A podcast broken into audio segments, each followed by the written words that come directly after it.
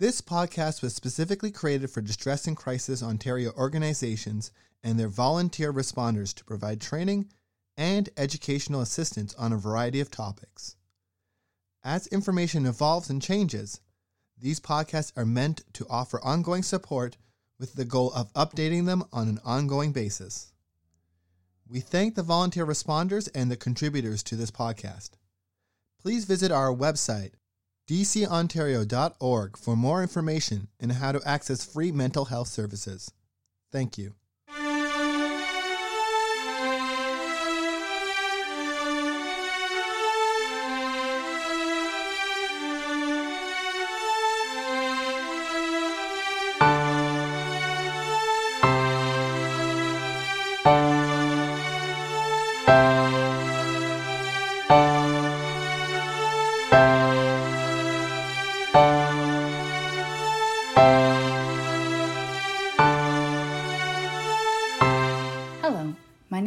Plant, and I am the Program Manager at Distress and Crisis Ontario.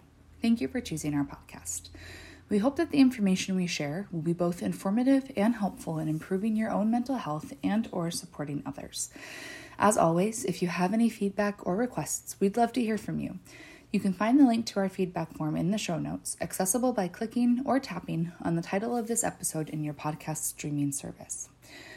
As you likely already know, the Supreme Court of the United States of America recently voted to overturn Roe v. Wade, a 1973 case that legalized abortion at a federal level in the U.S. With this overturn, according to an article shared on Healthline.com, an estimated 36 million women and others who can become pregnant may lose access to safe abortions. While this decision does not directly impact Canadian legislature, the repercussions can certainly be felt by all of those who have family and friends who live in abortion restrictive states, as well as creating a general feeling of unease that this type of decision could happen so close to home.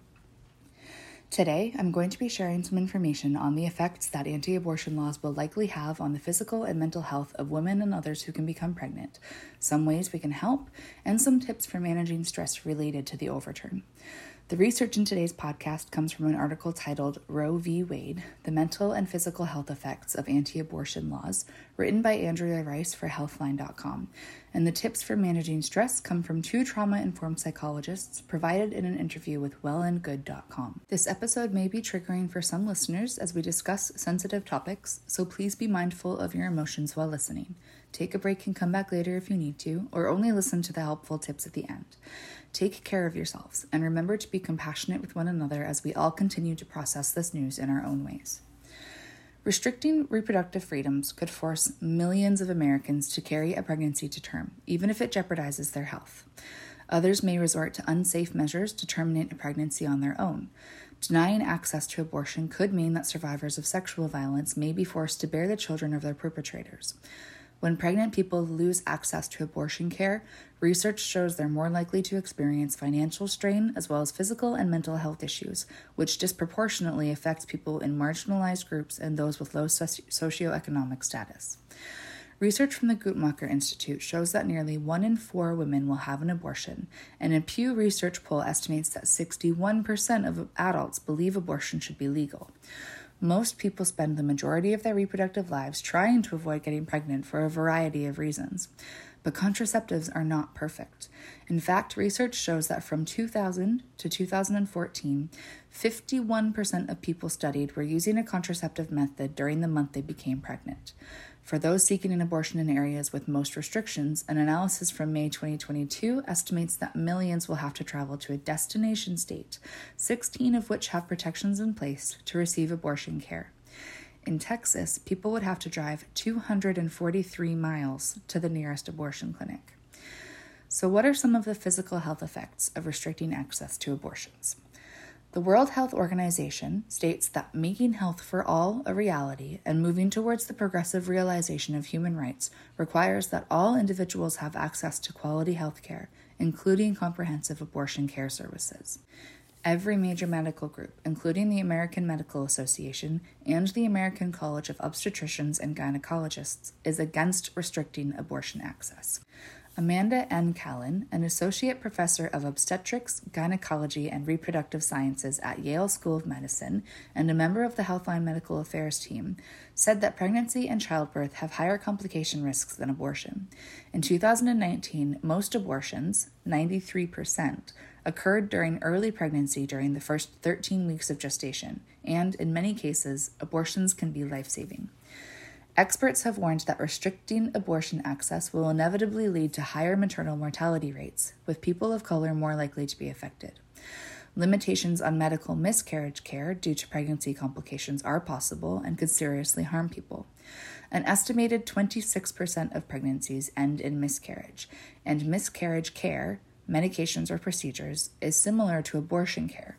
For example, if treatment for an ectopic pregnancy is delayed, or if a pregnant person with sepsis is unable to get an abortion, the miscarriage may go untreated and cause further complications or even death.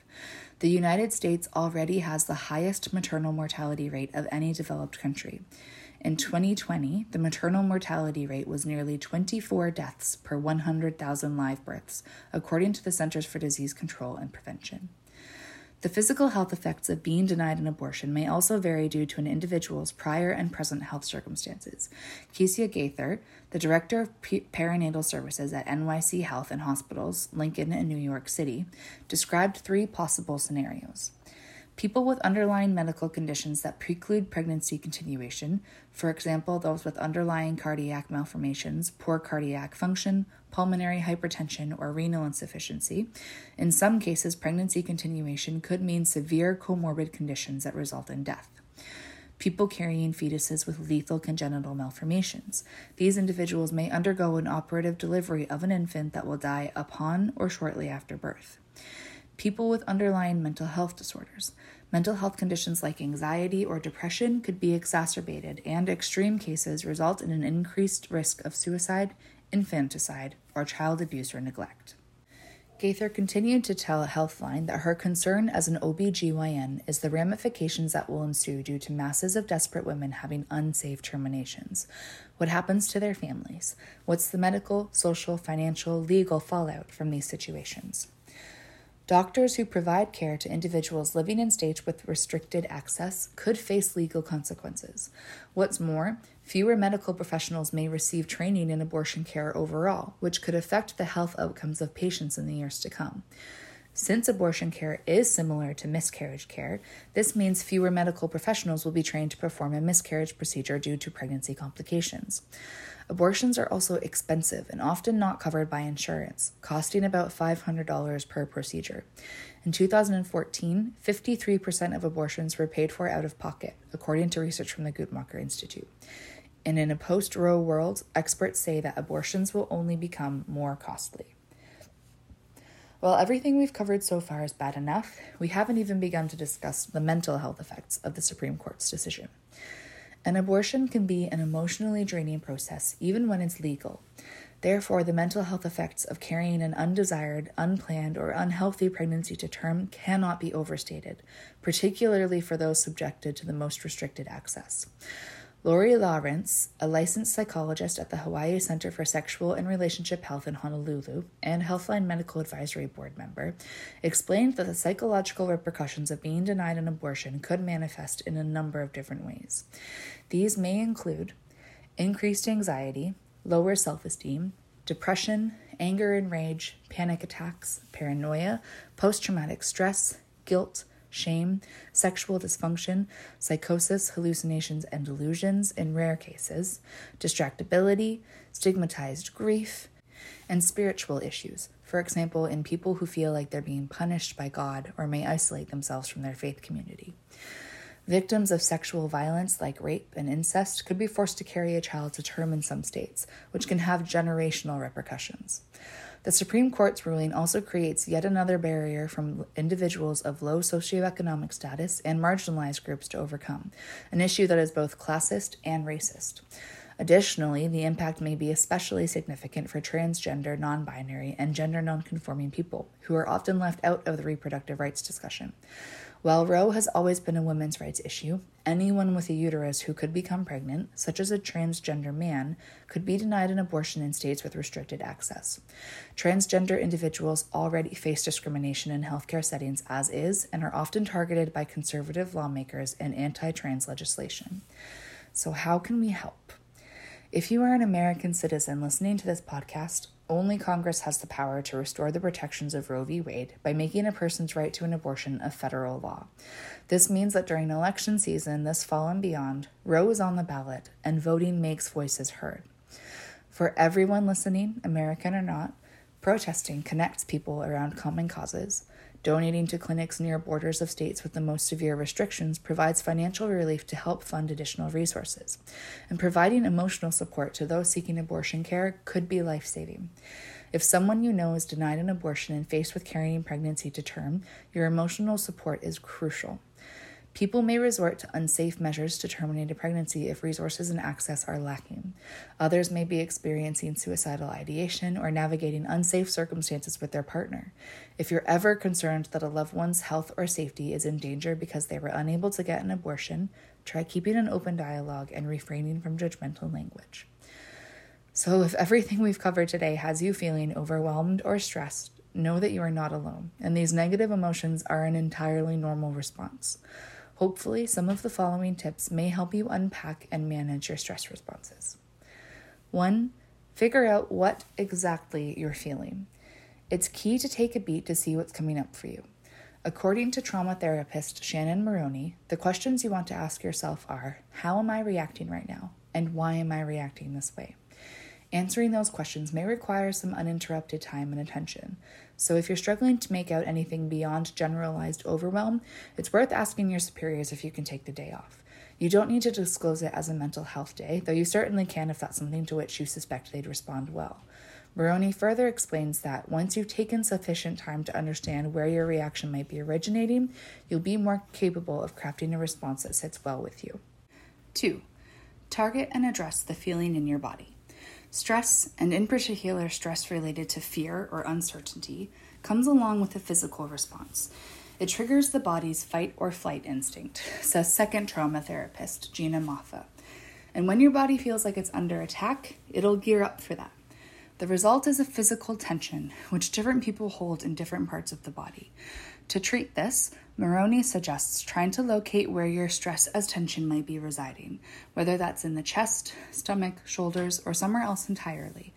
Once you've located it, close your eyes and see if you can visualize whatever that emotion is as moving in a spiral.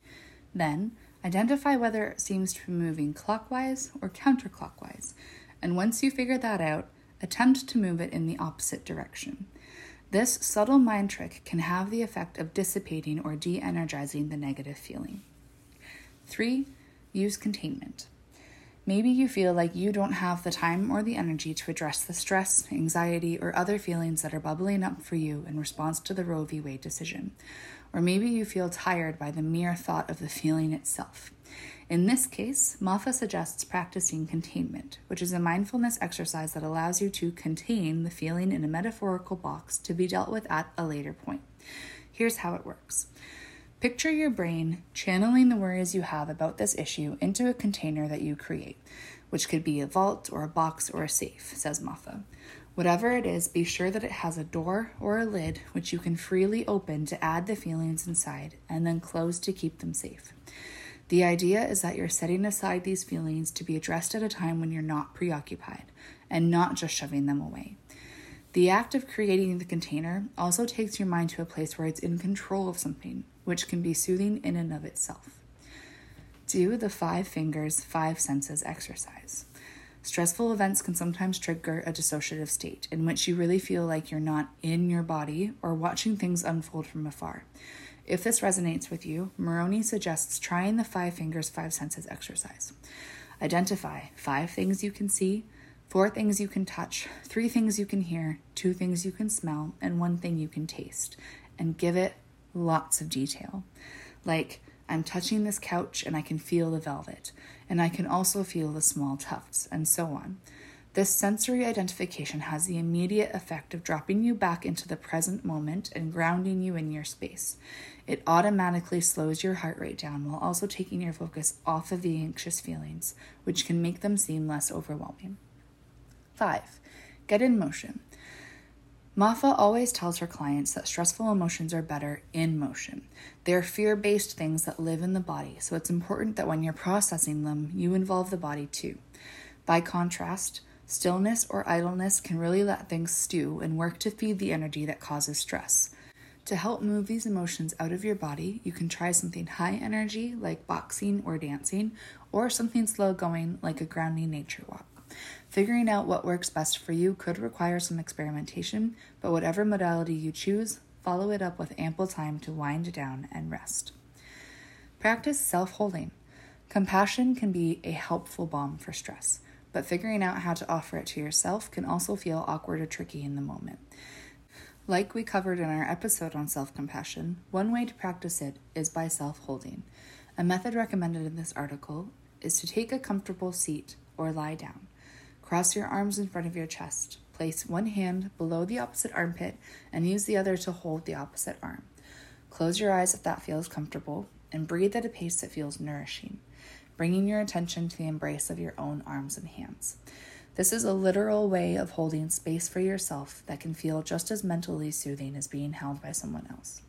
To amplify the effect, couple it with a kind affirmation, such as, In this moment, I am alive and safe. 7. Find a creative outlet for high octane feelings. When stress manifests as anger or rage, it often requires a certain kind of dedicated outlet. Anger is an emotion that takes a lot of energy, says Moroney. While it's an essential emotion that can create real change, it's also important to make sure it comes out safely without harming anyone. That might mean engaging in some good old scream therapy, as in literally screaming into a pillow to release anything pent up, or doing any sort of heart pumping cardiovascular activity. You could also try to channel it into art. Go to the dollar store, get some cheap paints and paper and paint with complete abandon. Expressive art is all about the process, not the product. So the golden rule is don't think, just feel. The most important thing is that you are connected to the emotion and just letting it present itself on whatever canvas you have. 8. Make noise and take action. Because feelings of stress related to the overturning of Roe v. Wade are often underscored by a sense of powerlessness or voicelessness, managing that stress may require reclaiming some of your power or voice. And yes, it is possible to do that even as an individual. That might mean making a donation to an abortion access fund, joining a protest against the Supreme Court's pending decision, or volunteering at a local abortion clinic. Even sharing information on social media regarding safe abortion access can help restore your sense of agency, which can go a long way toward bolstering your mental health. 9. Connect openly with people you trust. We're hardwired for co regulation in times of distress, and finding someone to lean on vent to, or get vulnerable with right now could be just the thing you need to regulate your own stressful feelings. This should be a loved one or someone whom you can trust will really understand what page you're on because they're on the same one. Once you've identified that person or people in your life, it's helpful to think about what it is that you need from them before you reach out, whether that's advice or just an ear to listen. In the case of the former, you might say, Hey, I'm just a puddle on the floor right now and I really need a pep talk. Or in the case of the latter, it might be, I just really need to vent right now about how I'm feeling. And if you don't know what you need, be upfront and honest about that too. That might just mean saying, hey, I don't really know how I'm feeling or what I need from this conversation, but I wanted to share that this is what's coming up for me right now. If you don't feel as though you have someone in your life you can have an open conversation with, or if you need to speak with someone for any other reason, ONTX and our member centers are here to listen. You can access ONTX by texting the word support to 258 258 or by visiting our website and clicking the Looking for Support sidebar. ONTX is available from 2 p.m. to 2 a.m. Eastern Standard Time daily, but many of our member centers operate 24 7. You can find your nearest center by visiting www.dcontario.org forward slash locations. Thank you for listening to today's podcast. While the content was heavy at times, it has hopefully helped you become more familiar with the potential repercussions of the Supreme Court's decision, while also providing some ways to feel a little bit better and help fight back. Take care of yourselves, and we hope you'll join us again next week.